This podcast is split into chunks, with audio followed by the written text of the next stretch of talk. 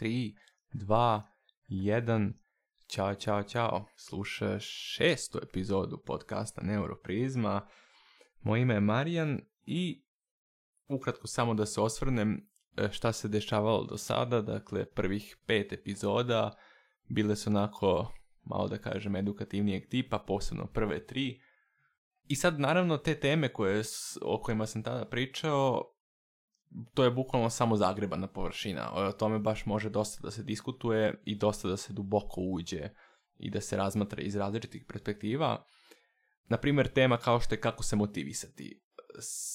Svi znaju zašto treba da se motivišeš, redko ko zna kako, a skoro niko ne zna zapravo na koji način pričati sa sobom i olakšati sebi ceo taj posao oko sobstvene motivacije do te mere da to uopšte ne bude ni posao, nego da bude nešto što jako lagano do, ide od ruke prosto. Treba nešto da uradiš i znaš da to treba da uradiš i odradiš ga, bez, bez previše mučenja.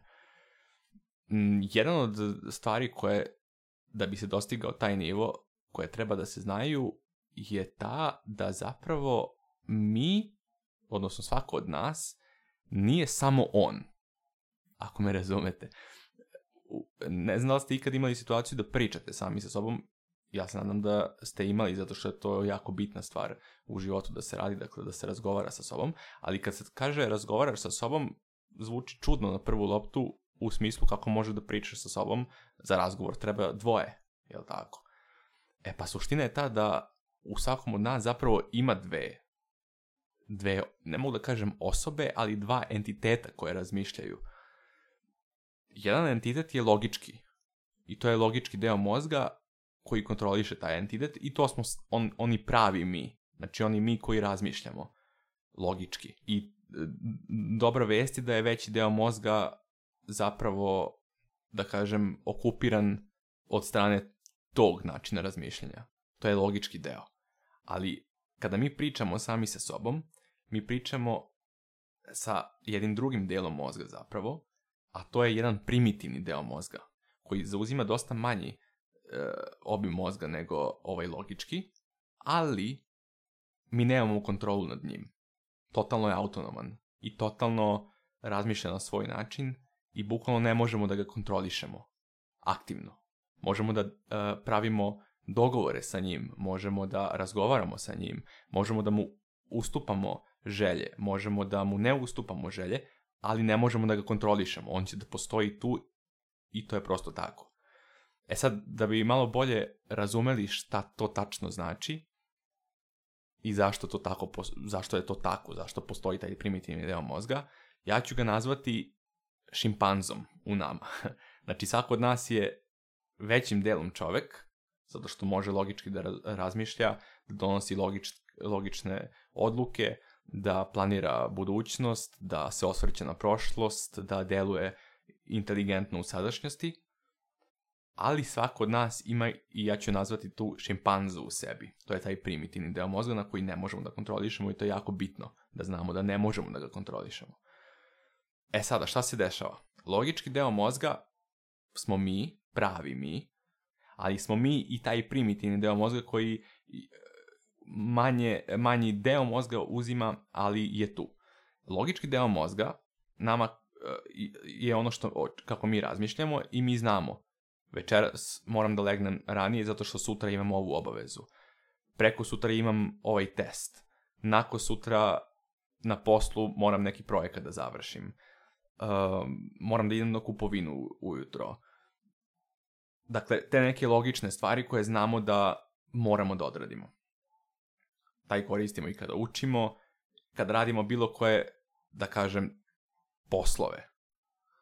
E sad, primitivni deo mozga je onako više kontrolisan nekim emocijama, dakle on je autonoman, nemamo kontrolu nad njim i on od nas zahteva, to jest od našeg logičnog dela mozga, zahteva određenu sigurnost, određeni komfort, određene satisfakcije. On želi da upražnjava određene nagone. On želi da se osjeća bezbedno, sigurno, dakle ta šimpanza u nama. I to je nešto što prosto kroz evoluciju, mislim verovao neku evoluciju ili ne, ali e, sigurno je da pre mnogo hiljada godina smo živeli mnogo nesigurnije nego sada. Okolnosti su bile drugačije, nismo imali tople domove sa televizorima, radijatorima i tako dalje. Nismo mogli da odemo u prodavnicu da kupimo hranu, nego smo morali da lovimo, morali smo da živimo u prirodi, umiralo se jako, e, jako brzo, prosto predatori su bili na sve strane i totalno drugačiji život bio tada. I taj, e, taj način razmišljanja odatle smo nasledili. Kao što smo nasledili i logički deo, vremenom kako su postajali ljudi sve inteligentniji, kako su razvijali gradove, kako su učili nauke, kako su razvijali nauke, razvio se i taj logički deo i naravno vremenom što je život bivao sigurniji, logički deo se više razvio do ove mere koje je trenutno. Možda će u budućnosti sve više da se razvija, ali trenutno je ovako. I dešava se da taj, ta šimpanza u, e, nama zahteva komfort od nas i zahteva sigurnost. I upravo kada treba nešto da uradimo, naš logički deo zna treba da uradim to i to. Ali šimpanza će se pobuniti, zato što šimpanzi nije do toga. Šimpanza ne razmišlja logički, šimpanza razmišlja kroz emocije. I šimpanza u nama neminovno kaže, ma ne moraš da uradiš to sada, ajde sada da pustimo film i da napravimo kokice i da uživamo, a ovo ću raditi već sutra. I šta se dešava? Naš logički deo mozga prosto ima problem sa šimpanzom u nekim situacijama jer šimpanza traži nešto od nas i mi možemo da odlučimo ili da odemo na, ili da mu omogućimo to što traži i da onda prosto se opustimo i uživamo ili ćemo da uradimo nešto što znamo da je teško i nije uopšte primamljivo da se uradi, ali znamo da to treba da uradimo. Mnogi previše dopuštaju toj šimpanzi da ih kontroliše tako što im previše, e, tako što previše toj šimpanzi e, prosto omogućava i, i prosto prečesto to što šimpanza traži joj omogućava. Šta se dešava tada na fizičkom nivou?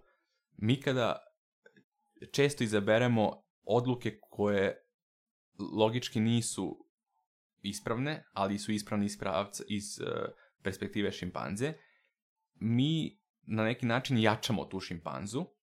Dešava se e, na fizičkom nivou da taj deo mozga koji je manji biva tada u tim situacijama više prokravljen. U, toj, u tom momentu kada mi odlučimo, ma da, leći ću, sad i odmorit ću, neću da radim nešto što logički treba da uradim, mi prokrvimo taj deo mozga koji zauzima šimpanza više u odnosu na ovaj koji je logički.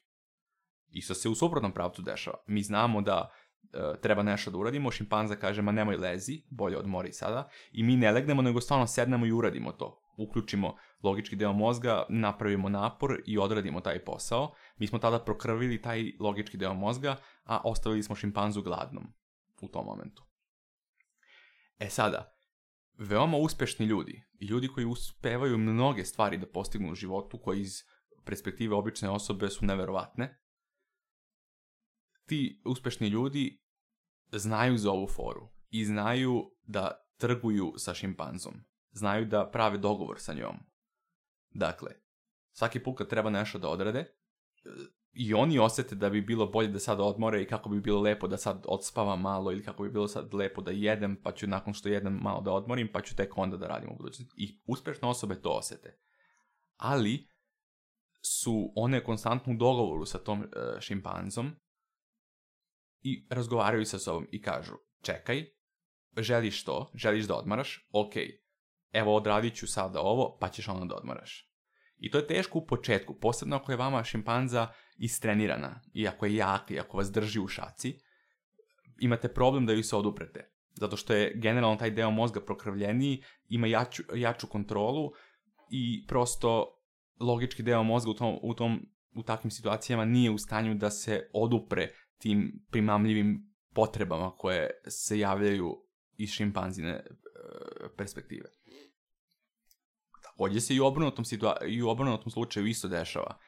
Ljudi koji su navikli da šimpanzu drže gladnom, relativno gladnom, i da obavljaju stvari koje treba da odrade, onda je tek posle časte, njima je to biva sve lakše i lakše, zato što je prokrvljeniji logički deo mozga sve više i više, šimpanza miruje, šimpanza je izdresirana, šimpanza se e, čak i prestaje da se toliko često i buni i sve više i više imaš na neki način način da je kontrolišeš, ali je i dalje ne kontrolišeš. Šimpanza će i dalje da se kad tad, ne kad tad, nego će redovno da se, da se, da se buni i da traži stvari, ali kad je izdresirana, prosto ti to biva lakše. Moraš da paziš, da napraviš dobru granicu u tom odnosu sa šimpanzom, zato što šimpanza hoće da te ugrize. Ako, je, ako, ako, baš joj ne daješ ništa, ako konstantno radiš, ako konstantno si fokusiran, ako daješ minimalno odmora e, šimpanzi, šimpanza voli da tu ugrize I taj ugriz se manifestuje kroz različite mentalne probleme, kao što su depresija, tuga, samoća, i to u najblažem smislu, nekad budu i neke gore posledice. Tako da, veoma bitno je i to znati, da treba, da ne treba skroz ni zapostaviti šimpanzu. Ali je daleko od toga da treba da ju se često eh, povlađuje.